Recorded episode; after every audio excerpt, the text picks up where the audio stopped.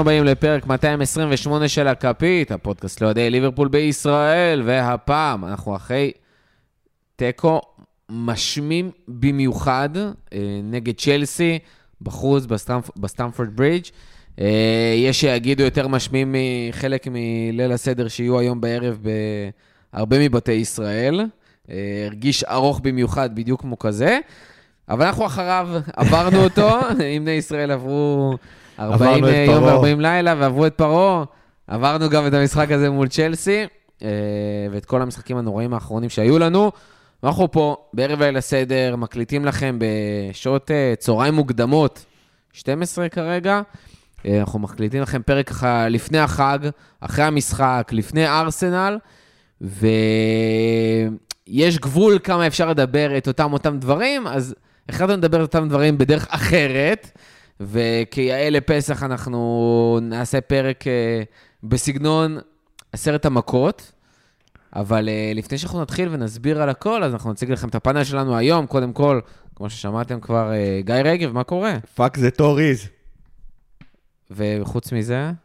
פשוט, אני חושב שהמשחק אתמול נכנס לעוד אחד מרשימת המשחקים, שלפחות בן אדם אחד אמר עליהם, זה המשחק הכי גרוע שראיתי את ליברפול כבר כמה שנים.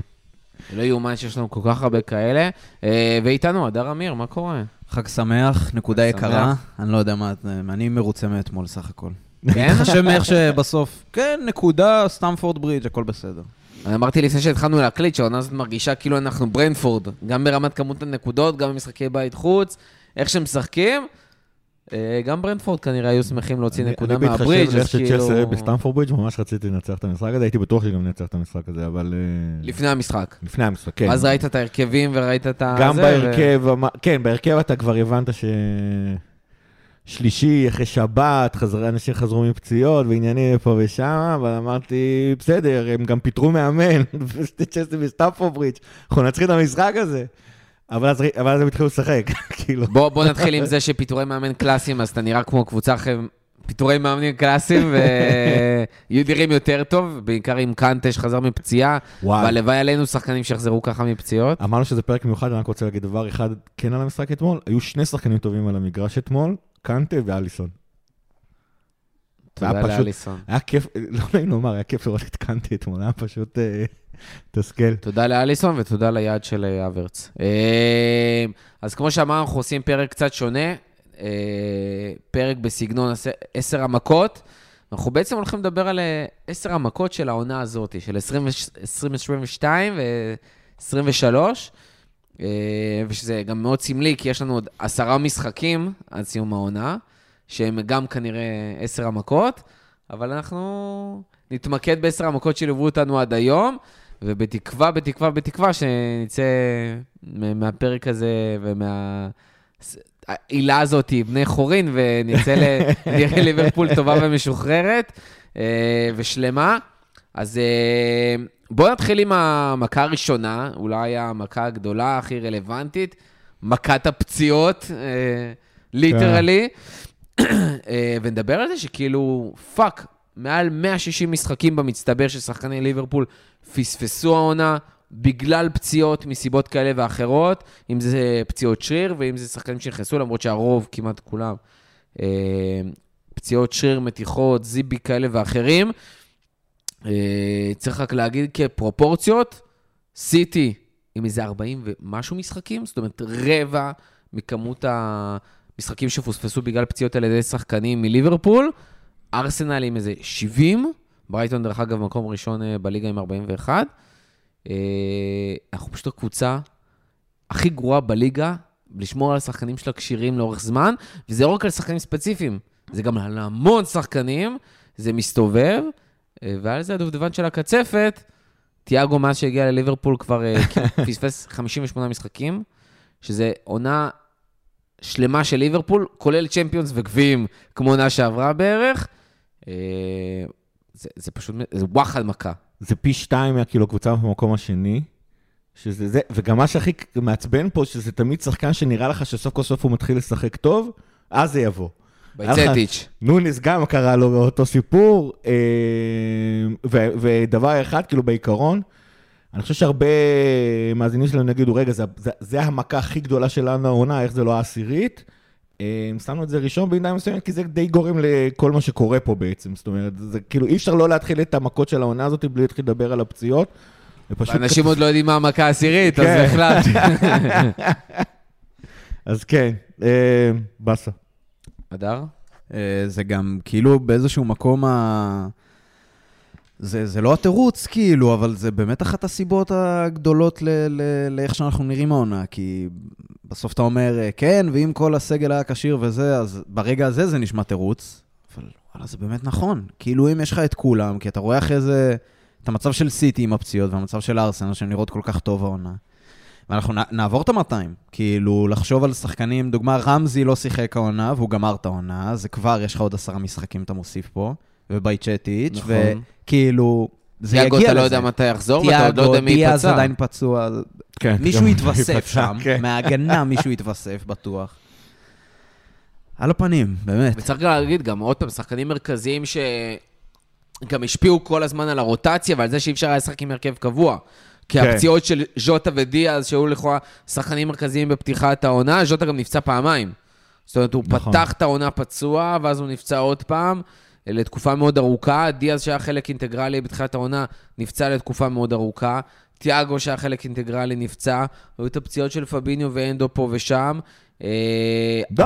הפציעות של הבלמים, גומז ומטיפ שנפצעו מאוד מוקדם, קונאטה היה פצוע איזה תקופה, ואז כל הזמן היה את התחלופה הזאת ואי אפשר לרוץ עם הרכב אחד.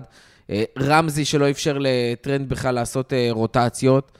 היו שם המון המון דברים שכל הזמן רצו, וגם שחקנים מסוימים שבאמת על ידי דלק מטורפים, וגם, אני חושב שהיה לנו איזה משחק העונה שלכאורה היה ההרכב הכי חזק שלנו, וזה היה אולי הפעם היחידה העונה שעלינו, ואני חושב שגם אם היינו אומרים בתחילת העונה מה ההרכב הכי חזק שיכול להיות העונה, אני חושב שההרכב הזה לא עלה. כן. אפילו פעם אחת, כי אין מצב שפביניו, אנדו, תיאגו, עם אה, דיה סאלח ונוניז, שיחקו העונה אפילו משחק אחד. כן. אה, האמת היא, תשמע, הדר אמר שהרבה פעמים אה, אוהבים להגיד שפציעות זה תירוץ ופה ושם. אני רוצה להגיד על זה שני דברים. אחד, כמות הפציעות העונה של ליברפול, לא, קיצונית. זה כבר לא תירוץ, זה באמת סיבה, כמו שאמרת, זה השפיע על הרוטציה. כמות הפעמים שאתה ידעת מה יהיה בקישור ואתה ידעת מה יהיה בשלישייה הקדמית, כי זה מה שיש. היה לנו משחק אחד שאפילו לא ידענו מי יעלה, כי, כי כבר היו, כבר, כבר היו, שלוש, שלושתם היו פצועים, גם פבינו, גם מנדו וגם uh, תיאגו פצועים באותו משחק, ופשוט לא ידענו איך, איך הקישור שלנו הולך להיראות, ככה גילינו את בייסטיץ'. Uh, זה אחד, ושתיים, באמת, בקטע הכללי, עם השחקן הכי טוב שלך, אני, אני חושב שיש קבוצה אחת שאני זוכר שנפצע השחקן הכי טוב שלה, ועדיין הצליחה לקחת אליפות, שזה אה, סיטי נגדנו בעונה של ה-98, שקווין דה בריינה כמעט לא שיחק שם כל, ה, כל העונה. בדרך כלל, אם השחקן הכי הכי טוב שלך נפצע, עזוב, קבוצה לא שומרת על, ה, על, על המעמד שלה, לא משנה גם אם קוראים לה ריאל מדריד, ברצלונה ו, ודברים כאלה, זה כאילו, זה באמת סיבה, זה, זה, זה, לא, זה לא שום תירוץ פה. בואו נעבור ל... מכה השנייה. למכה השנייה שמאוד מתחברת למכה הראשונה, שמכה גוררת מכה, אה, וזה העניין של הכושר גופני. עכשיו, הכושר גופני, אנחנו שמים אותו כטייטל, שצריך לחלק אותו לכמה רגליים. טייטל אחד, אה, וכאילו הרגליים האלה מאוד יושבות על, אה, על הצוות המקצועי, ובתוכו הצוות שאמור לדאוג לכשירות של השחקנים. אני חושב שיצא לנו לדבר על זה כמה פעמים בעונה, ואני אישית, משהו זה... משהו שהטריף אותי, היה לנו הפרק לדעתי לפני חודשיים. מליסה עשינו גם כן. אחד על אחד כזה, ודיברנו על העניין, על ה... אה, על הכתבה של מליסה רדי. אה, ושם אה, באמת הוציאו את כל הסיפור הזה עם הצוות שאמור להיות על הכשירות של השחקנים, ואתה רואה, פשוט בעונה הזאת, ויש אנשים אחרים שיגידו, השחקנים פתאום לא טובים, הלך הכישרון, נגמר הסוס, הזדקנו, ובא מורכו, ואומר נשמות, עוד לפני שאנחנו מדברים כל הדברים האלה, הם פשוט לא בכושר. הם לא מסוגלים לרוץ, הם לא מסוגלים לרוץ כמו שהם היו רצים, הם לא מסוגלים ללחוץ את ה-X לחץ שהם עושים בעונה, ואנחנו רואים את הסטטיסטיקה הזאת מתחילת העונה, ואני חושב שאפילו קצת מהעונה הקודמת. אמ, ולגם זה מתווסף, כמו שאמרנו, יש כמה רגליים, יש גם את העניין של איך חוזרים מפציעות ומחזירים שחקנים לפציעות, או איך משפרים כושר של שחקנים צעירים. ואתה רואה שחקנים כמו אליוט וקרטיס, שאין להם את הכושר, לא כושר משחק, כושר לרוץ. ושחקנים אחרים שכאילו היו שחקני לחץ טובים ולא איתנו. והיה כל הביקורת על פביניו ואנדו שאמרו עליהם, כאילו, שהם פשוט איבדו את כל הכושר שלהם. אז אתה יכול להגיד ביטחון, שזה גם אישו, ואנחנו נדבר על זה. אתה יכול להגיד באמת כושר משחק, אבל יש פה ליטרלי הכושר, הפיזי, הגופני של השחקנים. וזה וואחד מכה, אני חושב שאנשים שלא רואים את ליברפול באופן קבוע ולא חיים אותה, את, באמת, כמו שאנחנו חיים את זה ברמת הנשמה שלנו, לא מבינים כמה זה היה, כמה זה עמוד שדרה בליברפול שפשוט התרסק, התרסק. תקשיב, אתה אמרת אין אינטנסיביות, אין לחץ, אני רוצה שתבינו איך זה עובד. בארבעת המשחקים האחרונים של ליברפול, שזה צ'לסי, סיטי, אה, ריאל מדריד ובורנמוס אפילו, בכל המחצית, בכל מחצית שנייה של אחד המשחקים, פשוט בעטנו פעם אחת לשער. כולל אתמול, שגם הגיע באיזה דקה 65 או משהו, זו לא הבעיטה יאומן. של נוניז. אתמול זה היה נוניז. נו, איזה דקה 65, בעיטה אחת במחצית שנייה, כבר ארבע משחקים ואת ברציפות, ואתה הסטטיסטיקה רואה, הזאת שחקנים לא שכמעט לא עומדים. כבשנו אחרי דקה 50. כן, זה מטורף. זה מטורף, כן. שבתחילת עונה זה גם דיברנו על זה, מה זה בתחילת עונה? זה כל העונה, שליברפול היה את הקטע של הרבע שעה לוחצים, כאילו רבע שעה ראשונה ולחץ וזה, משיגים את השער הראשון כדי שייפתח איזה משהו. שעונה שעברה זה עבד מדהים, בכלל, בתקופה של קלופ. וזה גם לא עובד העונה, ואם זה לא עובד בדקה הזאת, יש לך פרק זמן מאוד מצומצם במהלך משחק שאתה כאילו, בזה אתה לוחץ, בזה אתה אינטנסיבי, וזה גם לא עובד. זה לא שבדקות האלה מגיעות השערים. אבל גם, אם אתם זוכרים, אחד הדברים שבליברפול, בכושר הגופני, שזה ממש ראו שכאילו, אה, אוקיי, זאת ליברפול של קלופ, זה ב-4-3 ההוא על סיטי ב-2018, שהיה שם את הלחץ של אה, רובו, שהוא רץ את כל הזה, כן. זה סחט עבירה, ובסוף זה, וכל אנפילד נכון. השתגע והיה מדהים והכל, וזה הראה משהו כאילו, אוקיי, זאת ליברפול של קלופ. כאילו, מבחינת אינטנסיביות וכושר גופני. intensity זה our identity, אין intensity ואין identity, אז כאילו. טרנט עשה כזה במשחק האחרון, שלדעתי העלו גם איזה סרטון כזה בטוויטר וזה, אפשר אתה לראות. מדבר מול סיטי? מול סיטי, שהוא הגיע עד לרחבה בטירוף וזה, ואז הוא ואיפה כזה מרים ידיים, איפה אתם?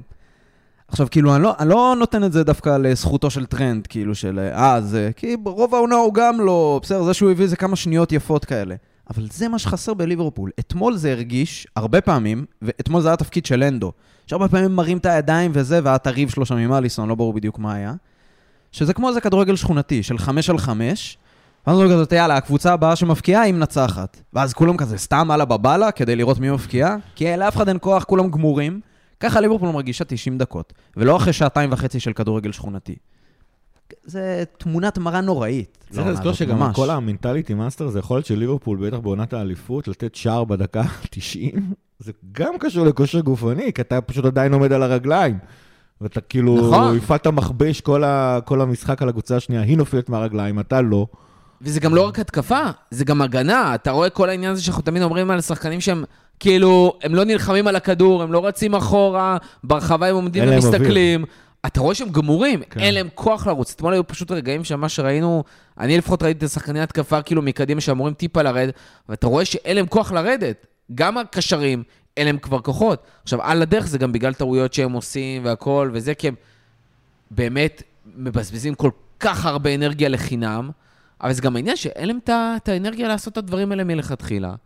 אה, וזה מאוד מתסכל, זה באמת מכה כאילו שהיא היא כאילו נגררת מעונות קודמות, אבל היא מאוד מובהקת בעונה הזאת, ואחד הדברים אולי הכי משמעותיים על העונה הזאת. אני חושב שזה אחד הדברים שהכי צריכים לתת עליהם את הדין שלא מדברים עליהם, כי מדברים המון על להביא שחקנים חדשים, אבל אם המערכת רקובה, זה לא משנה איזה שחקן יגיע, הוא ידבק בריקבון הזה. דרך אגב, במקרים אחרים, תראו את צ'לסי. שלא משנה כאילו כמה שחקנים חדשים מגיעים ו whatever, מאמן חדש, זה... הריקבון נשאר. בעלים, הריקבון נשאר, וכנראה גם הסוכריות גומי של אה, קאי האברץ שהוא משנה שם. אבל גם מבחינת כושר גופני, אגב, ראו על צ'לסי שעדיין יש להם איזשהו בסיס, לדוגמה, יותר טוב מליברפול. כן. אתמול. כן, כי כן. הבעיות שלהם הן אחרות, אבל אצלנו זה... כאילו, יש להם שלישיית קישור אינטנסיבית, וריס כן. ג'יימס, שהוא חזק ובנוי, ו... שעם כל הפציעות הוא עדיין ספרינט אתמול הם בכושר. לקחו. כל ספרינט הם נכון. לקחו, זה היה נורא, ממש. נכון, נכון, נכון. אה, גיא, המכה השלישית, האנליסטים. האנשים שהיו שצריך עובדים עליי. להגיד, כי אנחנו דיברנו, האנליסטים מתחלקים לשתיים. יש את האנליסטים של להביא שחקנים, ויש את האנליסטים של המשחק. נכון.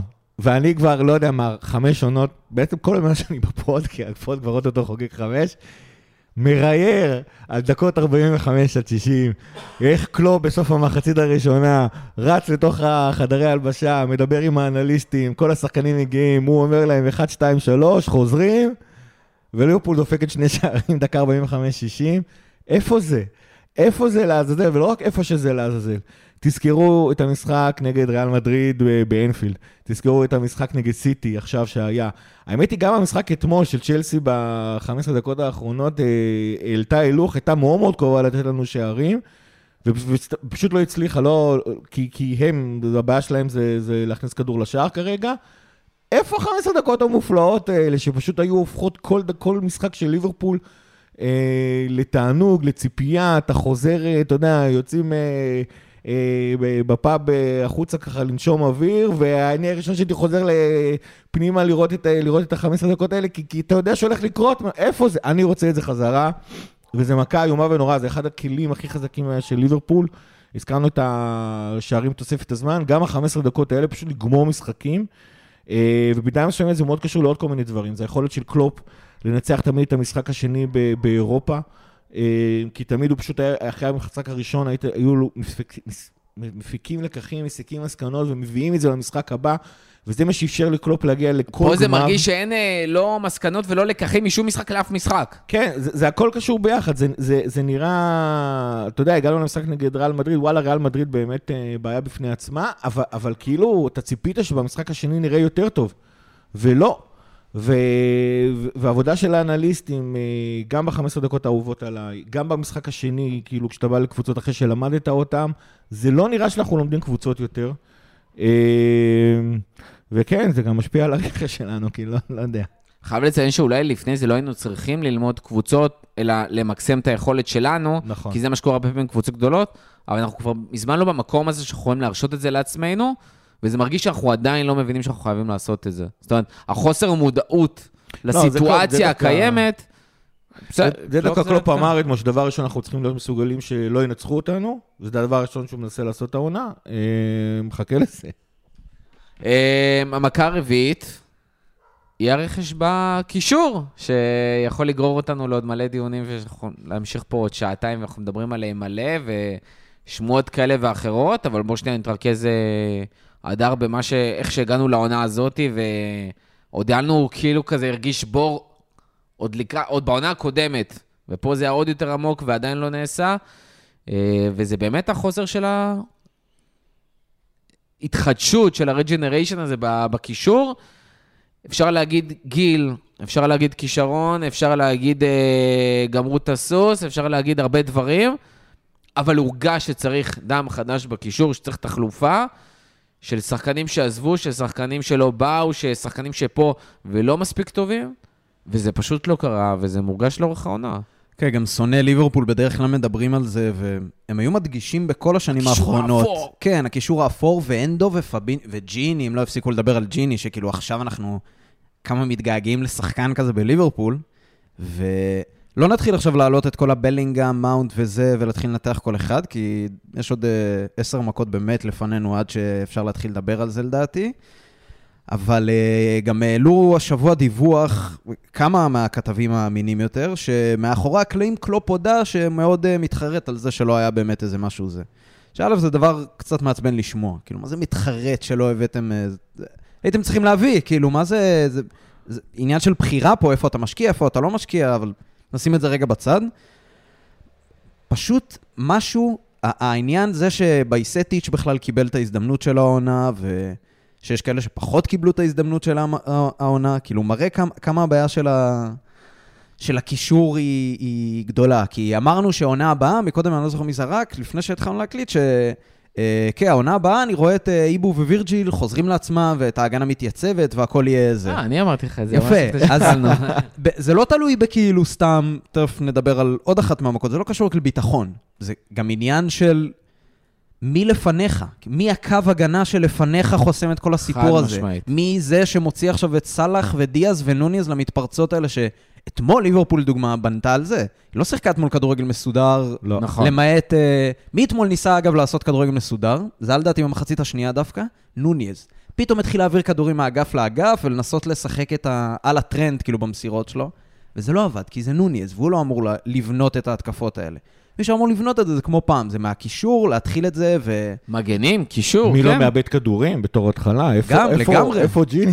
כאילו, מי לא מאבד כדורים? אתה יודע, מקבלים כדור בהגנה. מי מנצח כדורים, אה, אתה יודע, כשהקבוצה השנייה ביריבה וההגנה ואליסון צריכים לעצור את ההתקפות, מי תופס את הריקושטים ומוציא את הקבוצה קדימה?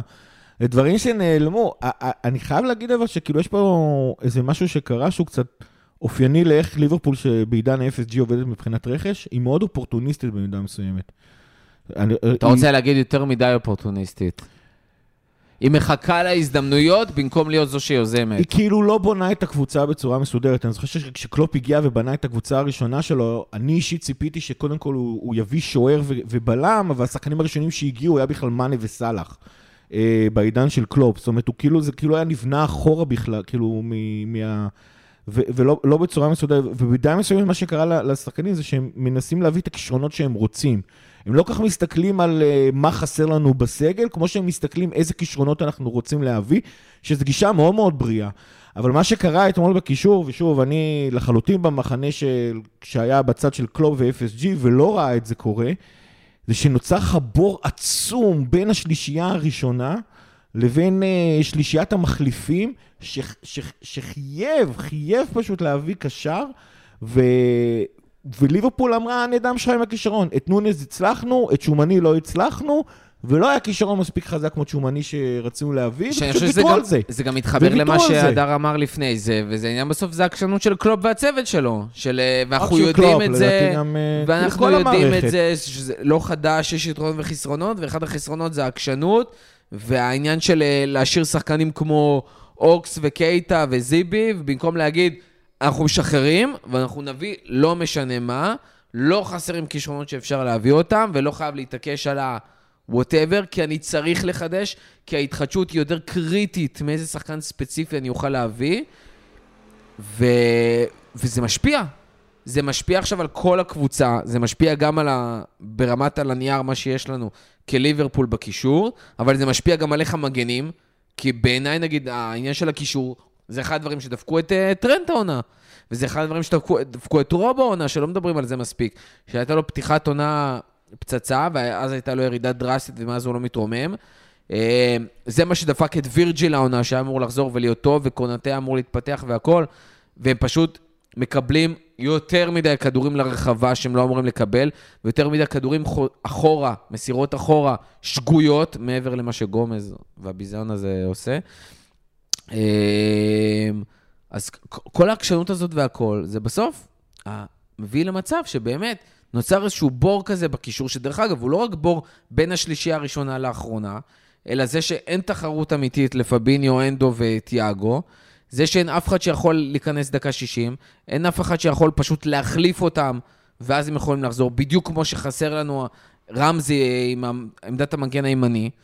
אה, וכמו שהיה חסר לנו גם בהתקפה עם כל הפציעות שדיברנו עליהן קודם. כן. אז כל הדברים האלה מתחברים. לא אגב. אנחנו אומנם בפרק של עשר מכות, צריך גם לזכור את ההבדל בין אה, מה שתיארת לקבוצה הראשונה של קלופ לקבוצה הזאת. בקבוצה הראשונה, לכולנו הייתה את הסבלנות הזאת שהקבוצה בבנייה, ונגיד עונה, כמו שקורית עכשיו, לא היה... לא היה לנו מה להפסיד. כן, לא, לא היינו לוקחים אותה כל כך קשה כמו אחרי שלקחת אליפות אירופה ואליפות, ועונה שעברה התחרית על כל התארים.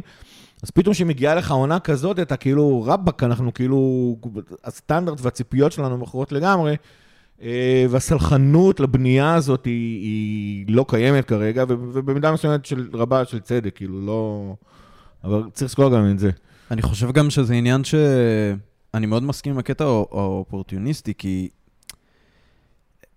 כן, יש פה את הקטע של ה-high ו-low אצל קלופ הם מאוד קיצוניים, והעונה זה מאוד מורגש, במיוחד אחרי העונה שעברה, אבל נגיד אחרי העונת אליפות, הייתה הזדמנות להביא שני שחקנים שליברפול ידע שהם יתאימו לבול, שזה ז'וטה וטיאגו, והיא הביאה אותם, ובדיעבד והכל, זה עבד וזה חשוב והכל. אגב, בדקתי את זה, ז'וטה עונה בלי שערים, באיזה 18 הוא לא הופעות. רק העונה בלי שערים, מדהים. הוא בלי שער כבר שנה, כן. מאפריל בעונה הקודמת, או ממרץ אפילו. מדהים. אה, היו לו לא מעט ביש- היו לו לא מעט בישולים העונה, אבל הוא פשוט אה, בלי שער כבר מ...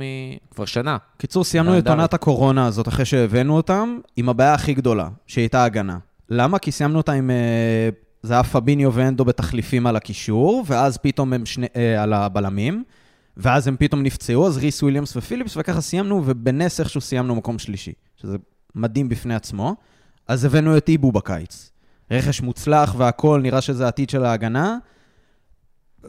ושוב, אתה חושב קדימה כאילו, ואתה לא, לא מצליח להביא את התחליף הזה. כאילו, היה זועק להביא קשר בקיץ, כמו שאז היה זועק להביא, ושוב נזכרים מאוחר מדי. ושוב הרכש מגיע כאילו שני חלונות מאוחר מדי בכל הסיפור הזה. אז כאילו, ליברפול כל פעם באיזה עלייה מבחינת הרכש, מבינה מה היא צריכה, אה, רגע, איבדנו את זה גם. זה כל הזמן, זה כאילו איזה שתיים, שלוש שנות ככה ברציפות. בוא אני אעשה את זה יותר גרוע, לדעתי גם את איבו הביאו כי רצו את איבו. ופחות בגלל, ש... ופחות בגלל שהרגישו שחייבים למלא את המצבה של, ה... של ההגנה, של אני חושב הבלמים. שכן היה עניין של בלמים, אבל בגלל איך שהעונה הסתיימה אז. יכול להיות, אבל, אבל אני באמת אומר לך, אני חושב שעדיין כשהם הסתכלו על שני השיקולים האלה, עדיין השיקול המנצח היה שיקול, אנחנו רוצים את איבו, שזה, שזה עוד פעם, זה שיקול נהדר, אבל פחות התזמון של את מי אתה מביא מתי, ו... או יותר אחרון, אתה, אתה מביא את המספר 2 בעמדה שאתה רוצה, כי הוא זמין עכשיו, אבל הראשון לא. ליברפול לא עובדת ככה, כל הרכש של ליברפול ב, ב, בשנים של FSG לא עובד ככה, הם מביאים את השחקן שהם הכי רוצים לעמדה מסוימת, בלי קשר לאיך נראה, נראה מצב הסגל. אה, וזה מה שקורה, זה כאילו, עוד פעם, יש לזה המון המון יתרונות מצד אחד, אני חושב שהחוסר איזון המוחלט בין שני הדברים האלה, זאת הבעיה האמיתית פה. טוב, אז חמש, חמש מכות מאחורינו, דיברנו על הפציעות, על הכושר הגופני, אנליסטים, מי הרכש, אה, ועכשיו, לא, רגע, בעצם חז... לא, אמר- ארבע מאחורינו, טעיתי, יש לנו חמישי. הרגיש חמש. כן. אה, החמישי זה אנחנו וואחד צריכים מכה. לסמן אה, עם יין, כזה, כן, כמו שעושים בסדר. נעשה פה עם המים.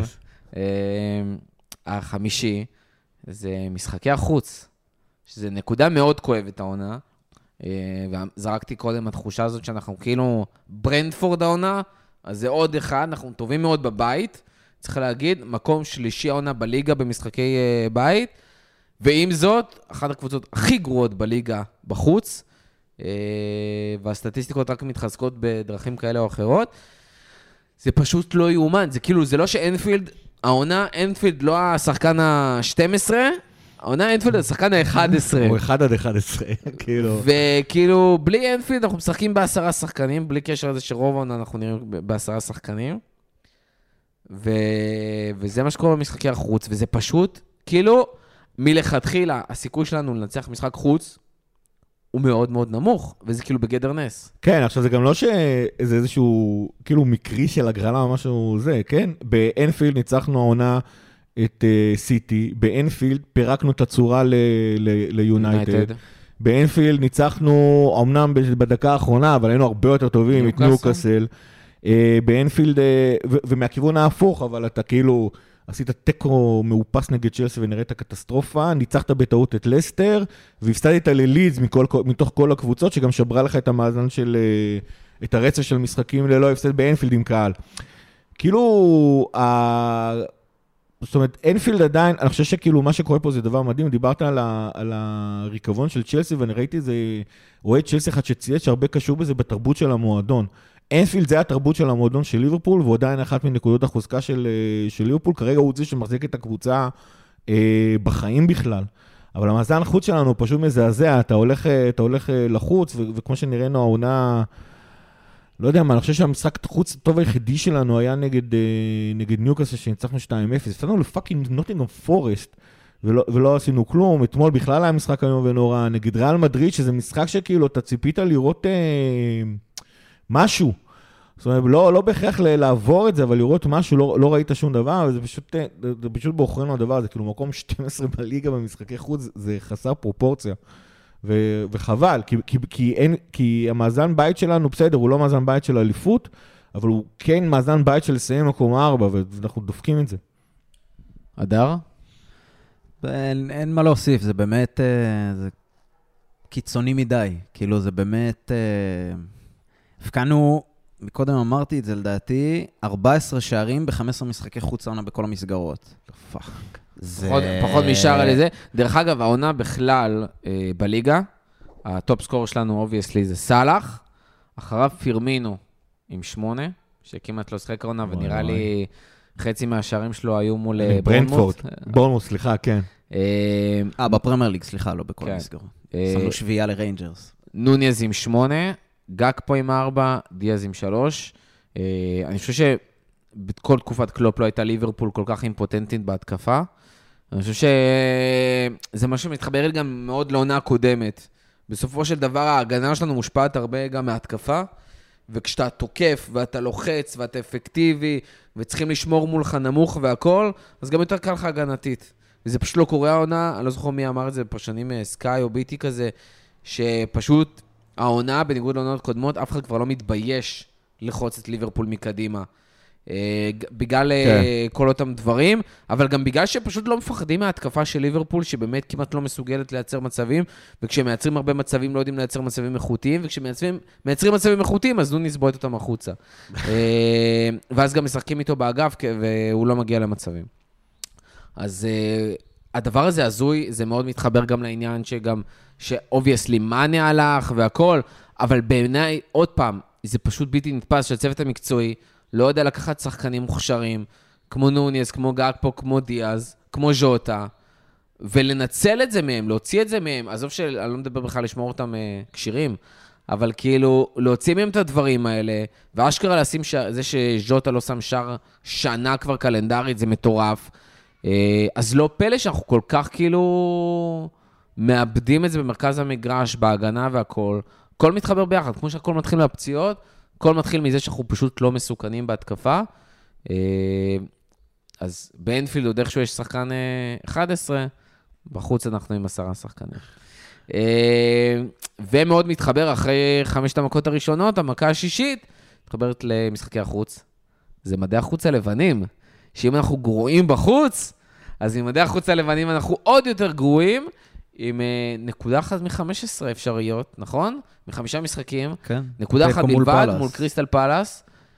זה לא רק שאנחנו נאחסים בחוץ וגרועים בחוץ, אנחנו נאחסים עוד יותר עם המדים הלבנים הביזיוניים האלה. אני יודע שתכף רוצים תכף לדבר על כמה היא מכוערת עם הדבר הזה שגורם לך ל...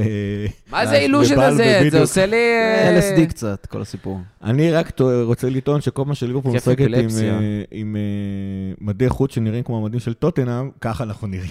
בדיוק כמו טוטנאם. וזה בדיוק הבעיה של המדים האלה מבחינתי. למרות שזה לא פעם ראשונה שליברפול משחקת עם מדים לבנים וכזה, זה גם לא בדיוק נראה טוטנאם. כן, אבל כשזה לבן שולט עם כחול, זה פשוט מה שקורה.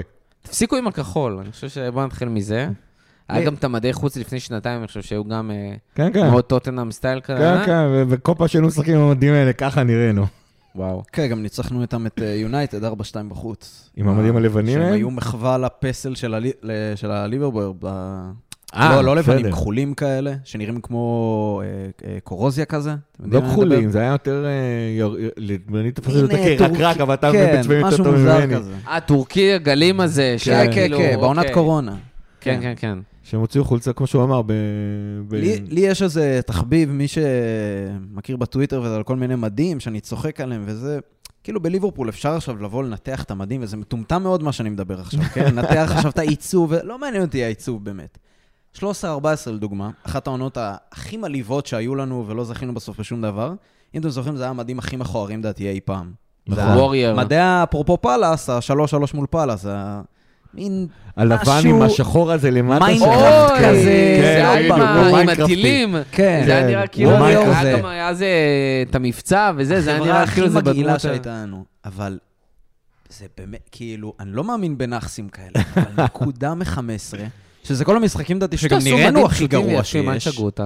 זה באמת ביזיון. תחזירו את הרטרו, את הירוק-לבן, אם כבר, אם אתם שמים רבה. לבן, אני אגיד לך מה הבעיה. שחור. שכאילו, אפילו כשנייק הגיעו לליברפול, אז היה ברור להם שהם לא יכולים לשנות את האדום, האדום, האדום של המדים הראשיים. האדום יין שאנחנו מת- פה כל מכה. ואז, כן. הם, ואז הם מתפרעים במדי חוץ שלנו, זה מה שקורה, כל מי שזה מתפרע במדי חוץ שלנו, כי שם זה המקום אל ת- היחידי אז אין שעשה בעיה, תחזירו כישרון. את הכתום ותחזירו את הסגול שהיו עם ניו בלנס וזה. תחזירו לגמרי. את הזהב. תחזירו את הנקי והפשוט. וזה מה שיהיה זה עונה כל מה הבאה, אגב, שצריך. כנראה, לפי הדלפות. אה, ירוק- לבן וסגול. אבל- אבל יהרסו את זה. יהרסו את הירוק לבן הזה. עשו אותו מגעיל. אם ינצחו, לא אכפת לי שיעלו בלי אבל. אי אפשר לנצח עם מדים כאלה, אי יעלו בלי אפשר. חולצה, מה אני... אה, זהו, אז זה היה המכה השישית. המכה השביעית, אנחנו חוזרים קצת אה, זה, ודיברנו על זה, וזה כאילו מתרכז לפה. איבוד הביטחון. אה, שאני חייב להגיד שבעיניי, אה, אם לשים שנייה את הקטע של הצוות המקצועי בצד ולדבר על שחקנים, בעיניי זאת המכה מבין כל המכות. שחקנים שפשוט אה, עדיין כישרונים, עדיין טובים, עדיין לא בהכרח אחרי השיא שלהם מבחינת גיל, אבל פשוט אפילו לא מאמינים לעצמם שהם יכולים להיות טובים ולנצח, מאבדים איפשהו את האוויר בדקה ה-30-40, ופשוט רואים את, זה, רואים את זה בעיניים, רואים את זה על איך שהם רצים ומנסים, התסכול המטורף. כל השחקנים האלה, טרנט ורובו, אפילו וירג'יל, אה, פביניו, אנדו, נו, אה, איך קוראים? סאלח, בעיניי חלק, רוב העניין שם זה ביטחון, ובכלל בכלל אני חושב, בכללי, ספורטאים, ביטחון בסוף, זה איזה 70 אחוז מהתוצר שלך. ואם אין לך ביטחון, כל הכישרון שיש לך, לא משנה כמה הוא טוב, הולך לפח. כן, תשמע, אבל אה, זה, זה גם לא סתם הוא מופיע פה יחסית מאוחר, כי זה, הוא גם באמת תוצאה של המון דברים שקרו במהלך העונה. זאת אומרת, אני מניח שאחרי העונה שעברה, לעונה הזאת כולם הגיעו בביטחון מלא, ואם התוצאות האיומות והנורות, הם לאט לאט, אה, הם לאט לאט איבדו אותו. אני, אני בכלל לא אוהב לשים את האצבע על שחקנים, אני חושב שאתמול יכולת לראות את זה בשני שחקנים נורא נורא ספציפיים. אחד זה קרטיס ג'ונס, ששיחק בעיקר עם הגב לשער של צ'לסי, וכל, ורוב המסירות שלו היו אחורה. היה פשוט, אה, כל פעם שכדור הגיע לקרטיס ג'ונס, הוא פשוט החזיר את הכדור אחורה, חזרה בין אם לבלמים או לפבינו. ושני זה פבינו ב... ב... אה, בעצירה של התקפות מפרצות שהתחלק אצלו לשתיים, או שעושה טאקלים איומים ונוראים ומטומטמים מצד אחד, או שלחילופין הוא נתן שחקנים לעבור אותם, כי הוא פחד לעשות עליהם טאקלים איומים ומטומטמים אה, שלא, שלא צריך לעשות אותם. ואתה רואה איך זה פוגע, זאת אומרת, זה, תהליך כזה, נקודה מסוימת שכאילו, בסדר, אתה, לא משחק טוב, אתה עדיין יש לך את הביטחון ואתה מצפה לך לחזור, ומגיעה איזושהי נקודה בזמן, כיוון שזה קורה כל כך הרבה זמן כבר, העונה הזאת, שמתישהו הביטחון הזה נשבר, ושם אתה רואה את הירידה הדרסטית, ובמידה מסוימת זה מסביר למה באנפילד, שכשיש לך את הקהל שנותן לך את הביטחון, אז אתה מתפוצץ, 7-0, 9-0, מחצית ראשונה מטורפת נגד ריאל מדריד, דברים כאלה, וכשאתה מגיע בחוץ ואין לך מי שילטף אותך ופה דברים כאלה, אז מגיעה לך קריסה כמו נגד סיטי, ובמידה מסוימת המשחק אתמול היה עוד יותר גרוע, פשוט צ'לסי לא מסוגלת לשים כדור כרגע בשער. זה פשוט חבל, וזה מה שקורה כרגע. אה, אני אלך קצת אחורה בדרך לפה, אני כל פעם אחרי משחקים וזה, אני מדבר עם אבא שלי, אם עכשיו הוא שומע את זה, אז אני מעלה את השם שלו פה. דורון, אגב. אה, תמיד כזה אנחנו מדברים, ואז הקלאסי גם של אוהדי ליברפול, גם שמי שמחוץ לאוהדי, נגיד בשכונה וכאלה, שתמיד אומרים, לדוגמה, הכי קלאסי זה ניצחנו 7-0 את יונייטד, הפסדנו מחזור אחר, כמה ימים אחרי זה לבורנוס, 1-0. ואז מה שואלים ישר? איך, איך כאילו אתה זה 7-0? איך יכול להיות? איך זה אפשרי? רגע, מה, מה קרה? מה קרה בימים האלה? עכשיו זה, כאילו, זה בדיוק הסיפור. ברגע מאבדים את הביטחון. כי ברגע אתה, ליברפול לא מבקיעה גול חצי שעה לתוך המשחק, פאניקה, היסטריה, משהו, כאילו פתאום, רגע, רגע, זה לא יונייטד, אנחנו, אנחנו יכולים ליפול עכשיו, זה בורנו, ו... משהו שמקריס לגמרי, כאילו, את הקבוצה העונה.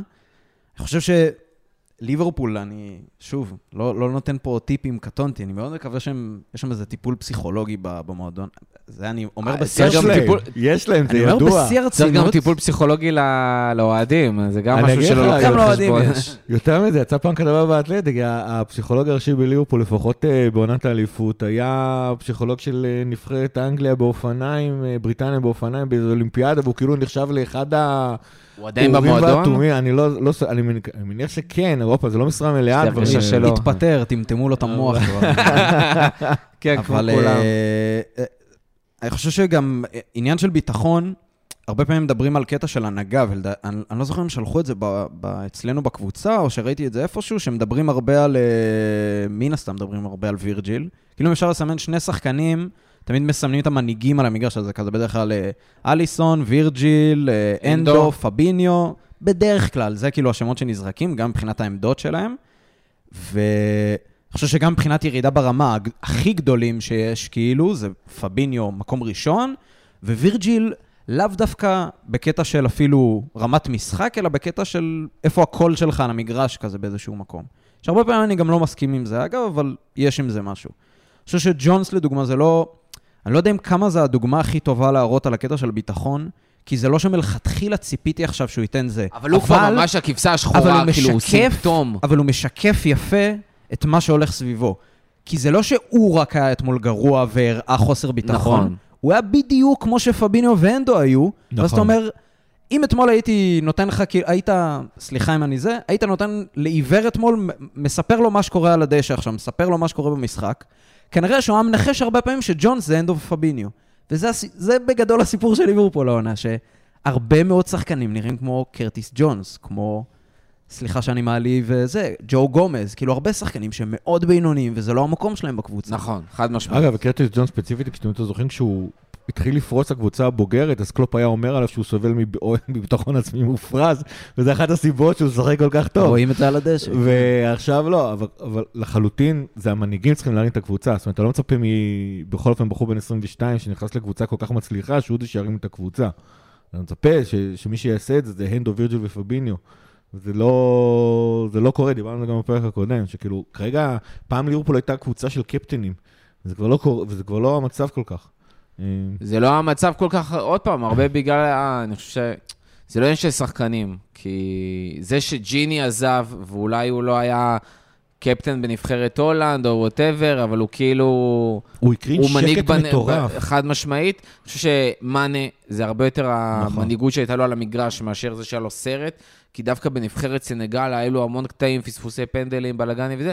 כאילו בליברפול היה את המנהיגות הזאת מקדימה, אפילו בובי והכל, אבל כאילו כולם איבדו את זה ביחד עם העיבוד ביטחון שלהם, הם איבדו את המנהיגות וההקרנה, וכל אחד אומר כבר, אני, אני לא מסוגל שמישהו אחר יעשה את זה. אה, אני חושב שהנדו אולי היה, אתה יודע, הקפטן בסופו של דבר, והוא פשוט לא באמת מנהיג. אני חושב שגם הסיפור אתמול עם אליסון, שלדעתי יצא קצת מפרופורציות, אבל uh, אתה פשוט, דיברנו על זה גם פרק קודם. כשאתה מנהיג כמו הנדו, צריך to lead by example. כן. להוביל אה, עם דוגמה אישית. אין שם כבר דוגמה אישית, כי הוא לא עושה כלום. לא הגנתית, לא התקפית. יש לו מקרה קיצון, כמו המשחק אה, ההוא מול סיטי, או כאלה, שפתאום הוא מתעלה על עצמו. זה מאוד נדיר, וזה בדיוק מה שקורה עם כל שאר הקבוצה. ו- ו- לא רק מנהיגות, אבל נזכרנו עם ג'יני, אני חושב שג'יני במידה מסוימת, הרבה הרבה מה שקרה, הוא נתן פשוט שקט. ליטרלי, על המגרש, פיזית, על המגרש, אתה כאילו ידעת שתיתן את הכדור, אם הכדור יגיע לג'יני, כל הלחץ עכשיו נשבר, ג'יני שומר על הכדור, ג'יני גם יעבור איזה, יסוסף, יעבור שחקן, לך עכשיו כבר איזה פרק בסייפה ספציפית, אה, והוא, יעבור את החצי ויכולה להתחיל התקפה מתפרצת, גם היית בטוח עם סאלח שהוא מקבל כדור והוא יעשה עם זה. קסמים, וזה כבר לא קורה. אבל לכל הפחות אתה ידעת שיש נקודה ספציפית על המגרש, שאם הכדור מגיע אליה, וואל נאדום אה, הולך אה, לתפוס על הכדור, ופשוט להרגיע את כל הלחץ נכון. שעובר על ליברפול. אני חושב שאתמול ספציפית, אגב, נגד צ'לסי, הרבה פעמים אתה ראית כדורים מגיעים למרכז השדה, ופשוט הקישור מאבד אותו. ולא רק מאבד אותו, מאבד אותו בצורה כזאת שגם צ'לסי יצא למתפרצות באופן מיידי. אה, אז זה לא רק, זאת אומרת, העיבוד הביטחון זה גם ביכולת של השחקנים על עצמם, גם המנהיגים שכרגע לא מצליחים להרים את הקבוצה, אבל גם שאין לנו עוגנים של שקט על המגרש, שמסוגלים לשחרר את, ה... את הקבוצה. דרך אגב, בתחילת העונה אמרנו שהרבה ממה שקורה, וראינו את זה כבר מגיע, זה בגלל הסיום של העונה הקודמת. יכול מאוד להיות שזה עדיין חלק משמעותי, פשוט זה לא שזה יושב להם רנט פרי in their hand, אלא זה שזה פשוט, אה, עכשיו זה כל התופעות לוואי, וזה מתגלגל, וזה כבר לופ שקשה מאוד לצאת ממנו. אני חושב שהדבר היחידי שיוצאים מהם כרגע את זה, זה פשוט הריסט לעונה הזאת, לסיים את העונה, להגיע לעונה הבאה. אה, אז קצת רכש, קצת רכש של צוות מקצועי, אנשים שיגיעו ויעשו סדר ויתאפסו עם, ה... עם כל מה שקורה שם ברמת ההנהלה. אה, ונקווה לטוב. זה לגמרי, עם אפרופו עשר המכות, זה, זה לחלוטין אה, המכה העשירית, זה מכת בכורות, כאילו מבחינת ה... כן, כן, כן. על זה, כאילו, שוב, התירוצים סיבות, פציעות זה זה, וכושר גופני, ואנליסטים, משחקי חוץ, ומדי חוץ, זה הוציא ברור את שזה הנשמה כבר תירוץ. מהשחקנים. זה הדבר הראשון. גם יגיע לך בלינגהם ואמבפה ומסי ולא יודע מה, קודם כל צריכים ביטחון בקבוצה. המכה השמינית, נוניס בשמאל. דיברנו גם על הצוות המקצועי. אה, אני, חשוב להגיד שאני לא בא להגיד אה, נוניס בשמאל, כי נוניס לא בסדר, אלא הרבה יותר התפיסה הזאת, ההתעקשות הזאת, לשים שחקנים במיקומים לא שלהם, עוד איכשהו ניחא, גג פה כתשע, בסדר. למרות שאני חושב שהוא יכול לתרום הרבה יותר אה, בקישור ש... או באגף, לא כחלוץ, אבל ניחא הוא עוד איכשהו עשה משחקים טובים שם והוא משתפר. אבל הקונספט הזה שנוניס בשמאל, אחד השחקנים לכאורה הכי טובים שלך העונה, שזה הזוי. הוא הגיע בהרבה מאוד כסף, הוא לא הבקיע כל כך הרבה, והוא עדיין אחד השחקנים הכי טובים שלך העונה. הוא בהכרח אחד השחקנים בפער הכי רוצים שלך העונה, כן. והכי דוחפים שלך העונה, והכי מתאבדים על המגרש העונה. אבל הוא פשוט לא רלוונטי בצד שמאל. ישבנו פה לפני שנה, הכנה לבנפיקה בליגת אלופות, ואני ישבתי פה literally באותו מיקום, באותו סנטימטר שאני יושב היום, ואמרתי, ראיתי את השחקן הזה. עשיתי עליו scouting עוד לפני שידעתי שאנחנו ניפ- ניפגש עם בנפיקה. וזה שחקן ש-85-90 אחוז מהשערים שלו הם tap-ins ברחבה. זה שחקן שהוא killer ברחבה. זה לא שחקן גבוה שמוריד כדורים, אבל זה קילר ברחבה. אתה שולח אליו לשם כדורים, הוא נע בתוך הרחבה, הוא חזק, יש לו טכניקה. זה שחקן של נגיעה 2, וזהו. ואתה שם אותו באגף, לכאורה, אתה רוצה את המהירות שלו, אבל זה שחקן שלא יודע לעבור יותר משחקן אחד. זה שחקן שלא יודע לשחק ביותר מנגיעה, נגיעה וחצי, שתיים, והוא צריך פתאום לעשות את השלוש, ארבע, חמש נגיעות. ויש עליו שמירה, שמירה כפולה, והוא פשוט לא מצליח לעשות משם כלום, ואז גם יש, השחקן הזה תקוע שם, וגם אין לך אף שחקן באמצע, כמו נוניז, שינצל וישים את השערים בקבוצה שלא מבקיעה שערים. בקבוצה שאין לה יותר את מאנה, שהוא אולי המכה ה-11, בקבוצה שאין לה באמת את סאלח, שמאוד מאוד מאוד חלש ביחס לסאלח העונה, קבוצה שאין לה שערים מהקישור, שהמגינים שלה חלשים, אז גם את נוניס אתה שם בשמאל, זה באמת דבר שבלתי נתפס בעיניי. אני, אני קצת פחות מסכים עם הדבר הזה, זאת אומרת, אני מבין מה הם עושים. כאילו, סליחה, אני רואה מה הם מנסים לעשות עם גקפו ונונז. אה, אני פשוט מסכים איתך לחלוטין ש... שבוא נגיד ככה, אם, אני, אם, אם היו אומרים לי, תביא שחקן שיחליף את מאנה או שישחק כמו מאנה, לא חושב שהייתי בוחר את נונז, ובטח לא הייתי מוציא עליו 100 מיליון פאונד. זאת אומרת, אם אני מביא את נונז, לא הייתי היית מוצא עליו... מביא אולי את דיאז. כן, למרות שדיאז יש לו בעיות אחרות, אבל, אבל, אבל כאילו ה, ה, ה, השאלה האמיתית של, של מה שקורה כרגע, האמת היא כמה זה קשור לעובדה שדיאז לא, לא כשיר. אה, מהבחינה, זאת אומרת, מהבחינה הזאת, ככה אני מסתכל על זה. זאת אומרת, אם, אם, אם באים ואומרים לי, אנחנו בליברפול קלופ 2 רוצים לשחק אותו דבר, וגג פה יהיה הבובי פרמינו, אני לא חושב שנונז היה השחקן שהייתי מביא, ו- ואם כן הייתי מתעקש להביא את נונז בגלל הדברים האחרים שהוא מביא... גם הבאת את נוניז לא כשחשבת כן, כן. שתשחק עכשיו עם בובי באמצע או נכון. whatever וזה. ידעת שבובי בסוף ולא ידעת שגאקפו יגיע. נכון. או שכן או שלא, לא נדע אף פעם. אה, אה, אבל אם אני מביא את נונז, למרות שאני רוצה להמשיך לשחק כמו עם, עם, עם גאקפו באמצע, או, או עם בובי אחר באמצע, לא חושב שכשאני מביא את נונז, אני משלם עליו 100 מיליון פאונד. זאת אומרת, משהו פה נורא נורא מוזר. את, אם אתה מביא את נונז כ-100 מיליון פאונד, זה אומר שאתה, שאתה אומר, נונז זה העתיד של ההתקפה שלי, וכיוון שהמקום הכי טוב שלו זה, זה, זה להיות התשע, כמו, שהז- כמו, שה- כמו שהסברת יפה, אז שם אני צריך לשים אותו. וזה הקטע שיותר מטריד אותי בקטע שנונז משחק בצד שמאל, לא כשהוא לא יכול להיות שם נגד עוד שנה-שנתיים, אלא כמו שזה פשוט לא מסתדר לי בשום צורה. ואני נורא מקווה שעוד עונה שתיים יוכיחו אותנו טועים, כמו שבדרך כלל ליברפול הייתה עושה עד לפני שנתיים. אה, קצת כמו שאמרת מקודם על ז'וטה, אה, שהוא דווקא מהשחקנים שמאוד מזכירים את מאנם בעניין שאתמול ראינו עוד יותר, שהוא יודע לשחק בכל תפקיד בהתקפה בשלישייה, אתמול לשחק בימין, שזה... נורא, נורא. דרך אגב, בעיניי זה אותו סיפור עם נוניז. לשים את, לחשוב מלכתחילה שזאת תהיה החלטה טובה לשים את ג'וטה בימין ויהיה בסדר, זה בעיניי על אותו דבר, זה אה, פשוט, אתה יודע, שזה עמדה שהוא חרא בה, שים אותו חלוץ, שים אותו קש... אה, כאילו ווינגר שמאלי, סבבה. ימני, הוא לא יודע לעשות שם כלום, אין לו בכלל רגל שמאל, הוא לא יודע לעשות את הדברים שהוא טוב בהם, לעשות את הדריבל ולהיכנס למרכז. הוא פשוט בוזבז לחלוטין, והדקות היחידות טובות שלו היו כשהוא פשוט בכוח הכרח את עצמו להיכנס לאמצע ולשחק שם. כן, שזה גם מראה כמה הוא באמת, אם אפשר לסמן איזה שלושה ארבעה שחקנים העונה שכן בולטים לטובה באיזשהו מקום, אז הוא עדיין נכנס לדעתי לרשימה, לפחות על הניסיון שלו. אמ, אבל זה כן דעתי קשור באיזשהו מקום לז'וטה, כי שוב, הכל מתקשר לקטע הזה בעיניי של העיבוד ביטחון. ז'וטה אמרת לדוגמה לא הבקיע שנה, קלנדרית. תחשוב, זה חלוץ שלא הבקיע שנה. זה התפקיד שלו על המגרש, זה לא בלם, זה לא... זה אפילו לא קשר התקפי. קשר התקפי יכול לסיים עונה עם עשרה בישולים, להיות מאושר עד השמיים, כאילו, על, משהו, על התפוקה שהוא נתן. שוער יכול לספוג במשך שנה שלמה, אבל וואלה, הוא לקח אליפות, אז הוא יכול להיות בסדר עם זה באיזשהו מקום. יודע, נוניז כאילו לא משחק בעמדה שהוא אוהב. עכשיו, הוא יבוא, הוא לא יבוא בראיון סוף משחק ויגיד... אה, תמיד השאלות של הכתבים הישראלים וכאלה זה כזה, מה, מה אתה חושב על זה שחזן אה, הציב אותך באגף שמאל ואתה יודע, דברים כאלה. אני זוכר ששאלו את כנען לדעתי או משהו כזה.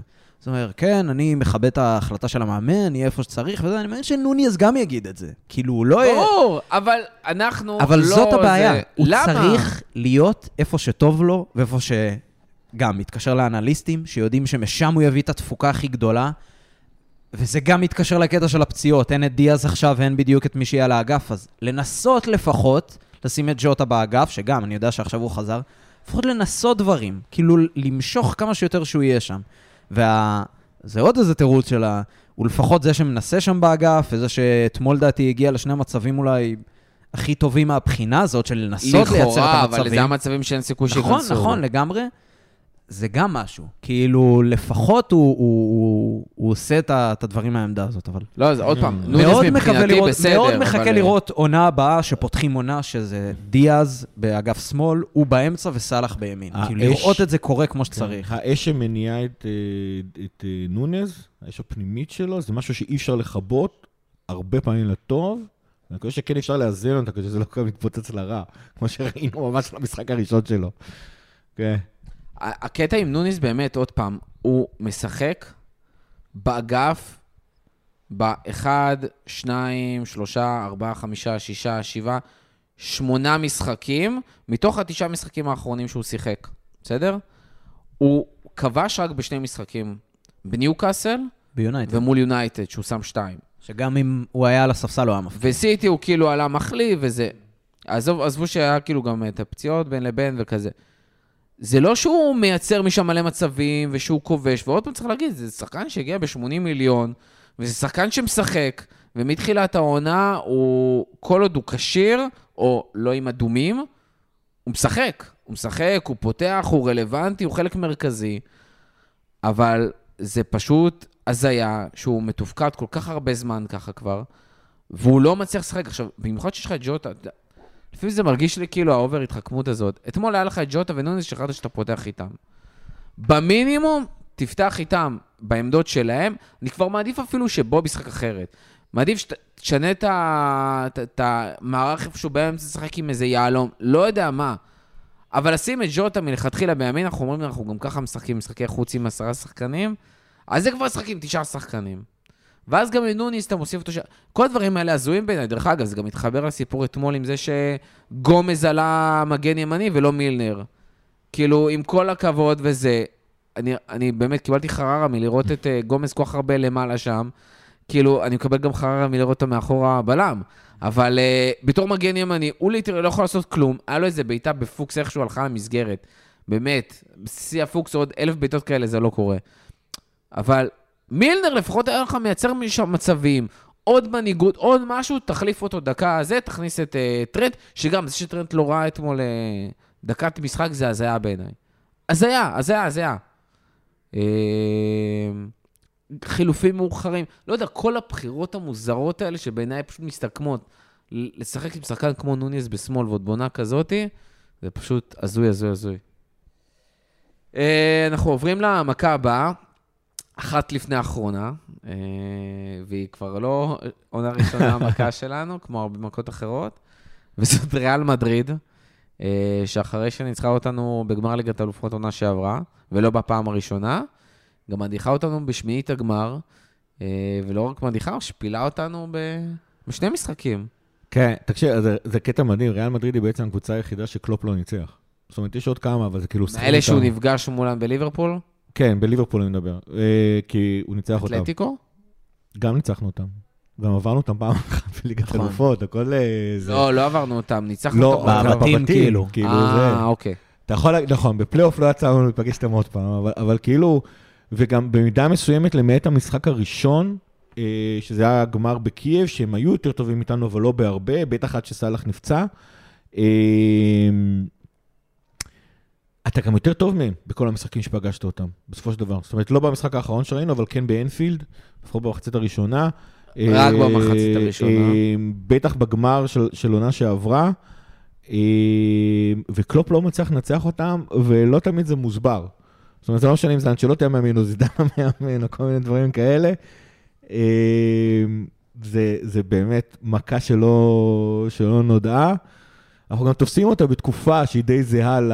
ל כאילו, האמת היא שנקרא בשנות ה-50-60, זו הייתה השחיתות של פרנקו, עכשיו זה פשוט יש איזו הילה שהלכה לקבוצה הזאת בליגת אלופות, וזה לא ברור מה, מה קורה כאן כרגע.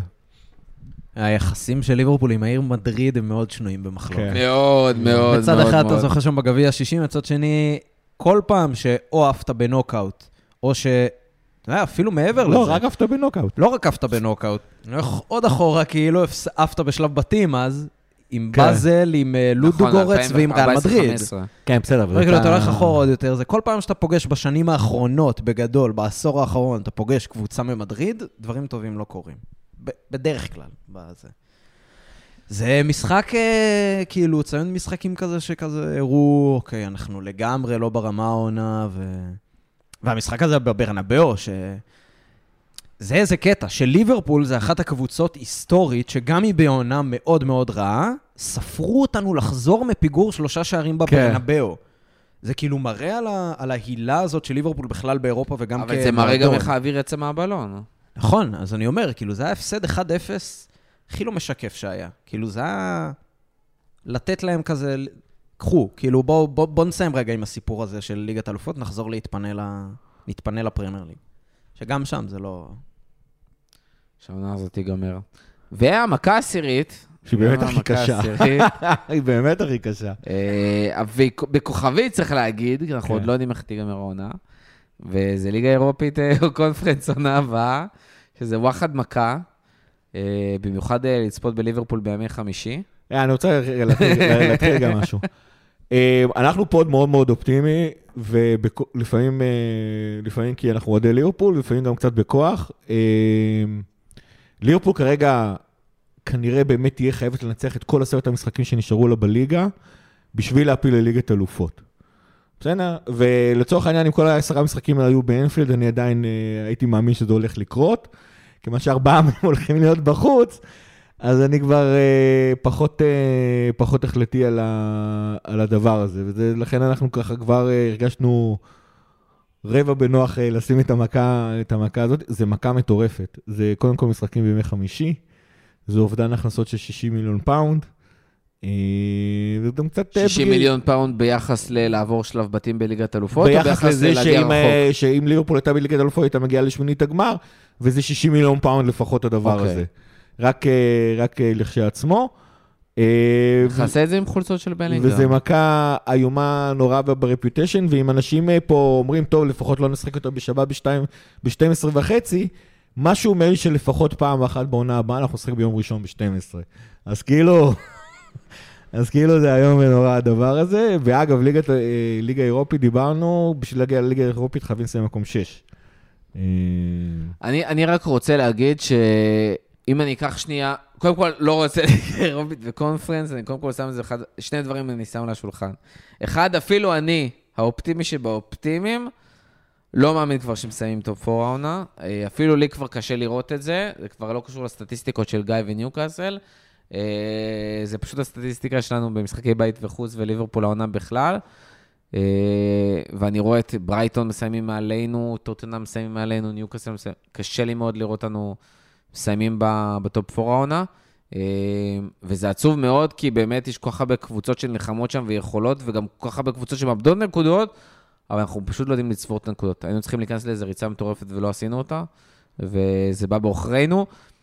הדבר השני, זה שאני חייב לציין שבתור אחד שעוקב קצת אחרי ארסנל בעונות, ה... קצת הרבה בעונות האחרונות, הרבה בעיקר חבר טוב שאוהד שלהם, אני חושב שצריך להגיד שליגה אירופית, שיותר קצת יותר מקונפרנס, אבל גם אפילו קונפרנס, אה, זה לא בהכרח רע, צריך לדעת איך לנצל את הדבר הזה.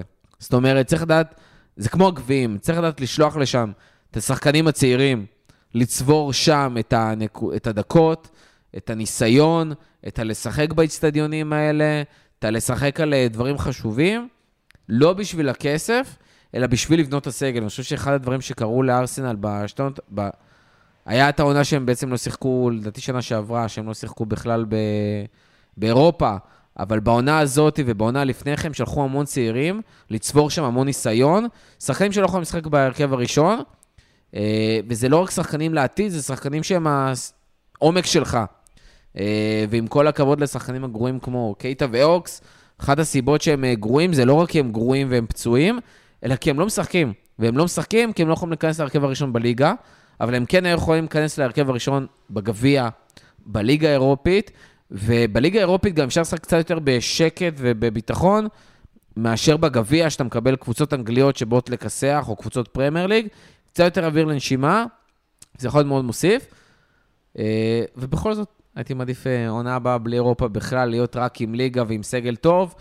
אה, כן, זה קטע לקבוצות אה, top 10 אה, באירופה, אם אתה איכשהו בטעות לא מגיע לליגת אלופות, תכלס עדיף לא לשחק באירופה, זה קטע נורא מוזר. לא, תלוי למי. תשמע, באמת אני אומר, קבוצה כמו וסטאם, שמגיעה אמרתי לאירופה... טופ 10 באירופה, לא טופ 10 באנגליה. אה, טופ 10 באירופה, טופ, אוקיי. הקבוצות, הקבוצות בסדר גודל של, שלנו, ארסנל, אתה אמרת שניצלה את זה יפה, זה נכון, אבל עדיין, נגיד יונייטד, יונייטד נגיד זה מאוד אה, עוזר לעונה, כי יונייטד באיזושהי, ב- כרגע באיזשהו מצב, למרות שאני חושב שהם ככה או ככה יסיימו ב top 4, שהם בקרב על top 4. נניח איזו סיטואציה, הם לא מסיימים ב top 4, זוכים בליגה האירופית, הם יהיו בזה, והם כרגע נכון. בעמדה הכי טובה לזכות בליגה האירופית, פייבוריטים די. בפער, כאילו השנייה שם זה יובנטוס, שבעונה לא מספיק טובה עם כל הבעיות שלהם.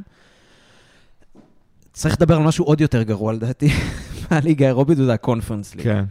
זה באמת להגיע למשהו זה שליברפול. לא זוכרת. זה מפעל שלישי בחשיבותו, זה לזכור, זה, זה לא גביע אופה של פעם, או איזה גביע המחזיקות של שנות ה-90, שהיה בו משהו מאוד אה, רומנטי כזה, ואינטר מתהדרת בו וכל מיני איזה. זה נפילה חזקה לרמה של קבוצות דייגים וליגה ישראלית, ולא יוצא לך מזה כלום, אגב. אם אתה זה, אתה מבטיח מקום בליגה האירופית עונה אחרי, ואם אם תגיע למשחק בבלומפילד, עם ליברפול? אסון, באמת אסון, אסון נורא. מסכנים ליברפול. זה נורא, נורא, נורא. אה, באיזה אזרבייג'אן. כרגע יש, הא- האופציה המאוד ריאלית שתסתיים בגלל איך שמצב הגביע האנגלי זה ש... או יונייטד, או ברייטון, או סיטי יזכו בגביע, כנראה, הש- הרביעית זה שפילד שפילד, לא תיקח. ומהמצב הזה תלוי איפה ברייטון תסיים, אבל מקום שביעי יקבל את ה Conference. נכון, כנראה. ליברפול מאוד מאוד חזק גם בתמונה לזה. כאילו, זה נהיה לא ארבע או כלום, זה ארבע או שמונה. אין, הרווח הקטן הזה, אסור לקבל אותו. בשום כאילו סיטואציה, זה, זה אשכרה מסוכן. זה לבוא להציע לברייטון, אתם יודעים מה? כרטיס עלינו לאירופה, משהו חד פעמי, לא היה לכם את זה אף פעם, תביאו את קייסדו או משהו. כאילו זה ה... ליברפול צריכה ממש לחשוב איך היא עושה... אחלה כן, דיל, אם היא אחלה מגיעה. למחזורים כאלה, שמחזור, סיטואציה מאוד הגיונית, מחזור אחרון, שתיים, שלוש נקודות, הקרב הזה שם של אירופה, כל הזה, מחזור אחרון, האמת, אני חושב, יש לי בראש כאילו אנחנו תמיד נגד וולס מחזור אחרון, אני לא יודע למה. סאוטהמפטון. סאוטהמפטון. סבבה. משחק שיכול להיות שסאוטהמפטון נלחמת על ירידה. tanking. מה זה tanking? אני עולה עם הנוער, אמיתי, לגמרי. נותן לארתור הופעת בכורה עם סרט הקפטן, כאילו. באמת.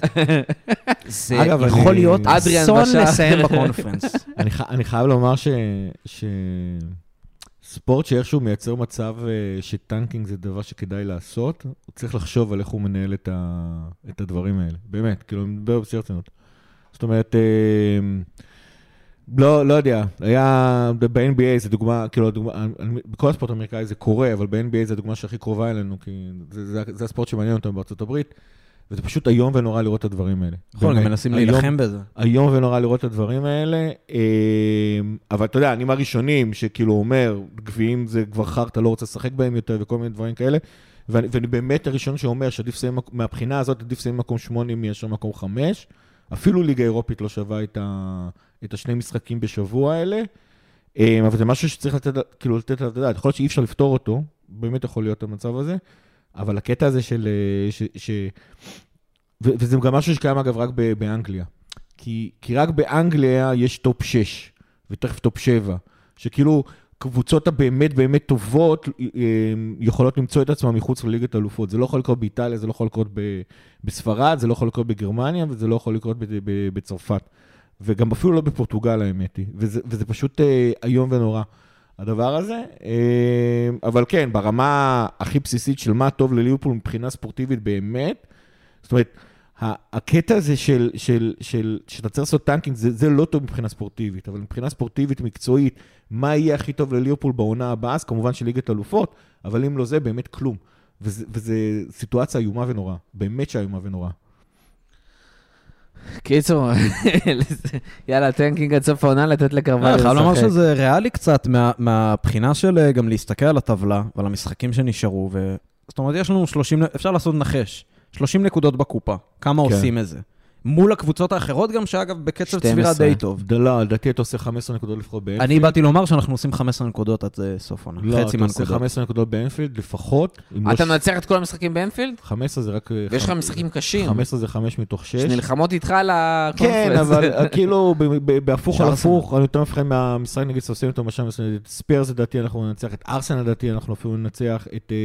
כאילו, אנחנו יכולים לנצח, את ארסנל אני לא בטוח. ארסנל זה היה המשחק שאני לא, שאני לא בטוח שאני אנצח, ומפה ה-15. אז אחרי אחרי עשר מכות, ל-20. אחרי עשר מכות שסיימנו, די, שחררנו את העבדות. בוא, בבקשה, שנצא ל- לחורים, לחופש, שנוכל לראות, באמת אני אומר, אתה יודע מה? בוא שנייה, לא, אני רציני פרק- לגמרי. זה היה פרק חצי טולי, חצי אני, חצי אני, דיק- אני חצי רציני דיכאוני. לגמרי. אני מבקש דבר אחד, ליהנות שוב מליברפול. אני אתמול כן. סבלתי 90 דקות, לא פעם ראשונה, זה לא רק זה שזה ב-10 בלילה עד 12, זה מאוד קשה, אני, אני כבר בן אדם בוגר, אבל אה, נראה לי זה מה שהכי הטריד אותך. ביחד עם השעמום הזה, זה מוות. זה מוות, זה, זה שעמום, זה משחקים חלש, זה אין כמעט הזדמנויות, אתה מרגיש אימפוטנציה מטורפת בזה.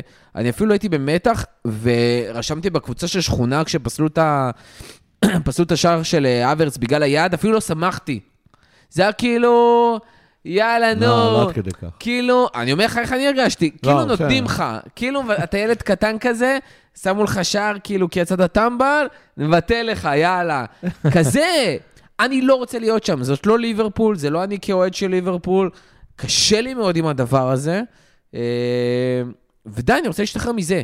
אני רוצה להרגיש ליברפול מסוגלת. מסוגלות! אני חושב. שאנחנו אנחנו נמשיך להרגיש את זה במשחקי הבית. דיברנו על המכה החמישית, אנחנו נמשיך להרגיש את זה במשחקי הבית לדעתי. אני חושב שהמשחקים, המשחק, כבר המשחק הקרוב נגד ארסנל, הולך להיראות אחרת לגמרי. אני ממש ממש מאמין בזה. אני לא יודע אם ננצח, כי ארסנל ב... בפורמה פסיכית כזאת, היא ב zone כבר, אתה יודע, זה כזה כבר לא קשור לשום דבר, מה שקורה שם, אז, אז יש מצב שהיא תוציא נקודה. אבל אני מאוד בטוח שלא נפסיד למשל. אני חושב שכאילו, מה שהמשחקים נגד ספיירס, אה, אה, באנפילד יהיו תענוג, נגד נוטינגהאם פורסט אני חייב לנצח, כי יש איזו סטטיסטיקה שם, שאסור לי שם לשבור נגד, אה, נגד פורסט דווקא. וברנדפורד אולי, אולי, אני חושב שברנדפורד במידה מסוימת, באנפילד לפחות, ברנדפורד זה המשחק הקשה ביותר. אני חושב ששישה משחקים נגד אנפילד אנחנו יכולים להרגיש את זה. אני מאוד מקווה שאנפילד ירים את, את הקבוצה. אה, בחוץ זה קצת, אה, זה קצת באסה, כן. אה, אז אמרתי, דיבר, התחלנו לדבר כבר על ארסנל, כי זרקת כזה, ואחרי שסיימנו את עשר המכות, בקצרה, משחק לא פשוט. אני אומר, this is Enfield, לא נפסיד, ולדעתי אנחנו גם מסוגלים לנצח את זה. אתם יודעים. כמה זמן ארסנל לא ניצחה באנפילד? המון, משהו... 11 שנה. כן. אתם יודעים מי היה במשחק הזה, המשחק הראשון שלו אי פעם בליברפול? אני. הפסד, דקה 90 ומשהו, עם רגע, אה, גול אבל, של אבל ון זה פרסי. כולל גם אה, גביע הליגה וואי, זה וכאלה? לא, לא, לא, זה- פרמייר ליג. בפרמייר ליג כאילו? בגביע 11 לדעתי? אם אני לא טועה, הפסדנו להם פעם. אחת באיזה 2016 או משהו. לא, אפילו אצל קלופ עם החמש-חמש ופנדלים, אז זה לא, אז עברנו. אז. ניצחנו, אבל היה משחק אחר. שהפסדנו להם איכשהו. לא נראה לי. לא נראה לי. אתה יודע מה אומרים על סטטיסטיקה? סופה להתיישר. אז אה, סופה להישבר. שיאים נודעו להישבר, כן, וסטטיסטיקה כן. סופה להתיישר. הימור, אגב, אנחנו לא. מפסידים, לא יודע למה. לא יודע למה אני זורק את זה, גם מי שיקשיב את זה, אתה מבין אבל אם מישהו הגיע עד שאנחנו הסוף. אופטימיים על תיקו כאילו מול הארסנל בבית. כן, גמור. אבל לצורך גם העניין- אתמול הייתי אופטימי לתיקו. לצורך העניין, זה כמו שהרבה אנשים, אה, כשהגיע יונייטד, לא האמינו שזה הולך לקרות, ואני ספציפית הייתי במיעוט, וזה במידה מסוימת גם היה מה שנקרא אופטימיות בכוח, אבל כאילו אמרתי, אתה, יונייטד. אמרתי, יונייטד באנפילד הולכת להיות חגיגה, זה כן אמרתי. אני חושב שהולך להיות אותו דבר גם נגד ארסנל, פשוט ארסנל במקום אחר מיונייטד, והיא לא תקבל 7-0. בלשון אתה יודע מה יהיה המעטה. הכי עצוב? שפאביניו יראה כמו תחת וצ'אקה ייתן משחק. וזה יסמל את פעם העונה הזאת ראשונה של אי אסנה פעם וליברפול. באנפילד שצ'אקה יהיה טוב. כאילו, הוא תמיד נורא, נורא, נורא. אה, גם משהו. טוב. כן, אבל אתה... צריך להגיד, סליבה פצוע, רזדל אה, בתקופה לא טובה, אבל אנחנו פשוט לא מייצרים מצבים. זה לא באתי לומר. על זה משהו שאם אה, אולי נקודה אחרונה לגבי המשחק, כאילו משהו באמת מקצועי, זה ש... כן, כן, כן. הם, סליבה פצוע, יש איזה ויכוח, גם עם אוהדי ארסנל וזה, סליבה או גבריאל שם, מי יותר טוב והכל. אני אישית חושב שסליבה... סליבה. הוא גם צעיר יותר קצת, יש איזה משהו, הוא באמת נראה בלם עתיד כן, מדהים כזה, אחד הוא- הגדולים שיהיו. בחצי הראשון של העונה לפני המונדיאל הוא היה נראה כמו וירג'יל בפריים. ממש, כאילו. ממש. גם אה, חובבי הפנטזי, אני מניח שגם יודעים. אה, הוא לא יהיה, פותח הולדינג. הולדינג זה בלם שפתח פותח... בתחילת אה, הם עידן לא שמים קלופ את- בערך. הם לא שמים את ווייט שם? לא, ווייט פותח מגן. מגן. ימני אני יודע, זה אבל גם, לא יהיה הזיזו מעניין אותו. אם פתאום ינסה להפתיע. לא, להיות. בעצם לא, תומיאסו פצוע לדעתי. אה, כן? תומיאסו פצוע, אז לא, הוא הוא יפתח וואי. הולדינג. הוא גם נותן, אני... דרך אגב, צריך להגיד ממי שלא יודע, שהוא עכשיו עם אה, שיער שופע. כן, עשה השתלה יפה עשה השתלה מאוד. יפה. הוא עבר להיות מה- מלהיראות כמו ג'ונג'ו שלוי, ללהיראות כמו אה, גלגר מצ'לסי. כמו נוניאז הוא נראה עכשיו. כזה. זה- אז אה, זה משהו שבאמת כאילו חשוב באיזשהו מקום להסתכל עליו בתור איזה, כאילו, אגב, דיברנו עמדות וכאלה. אמ,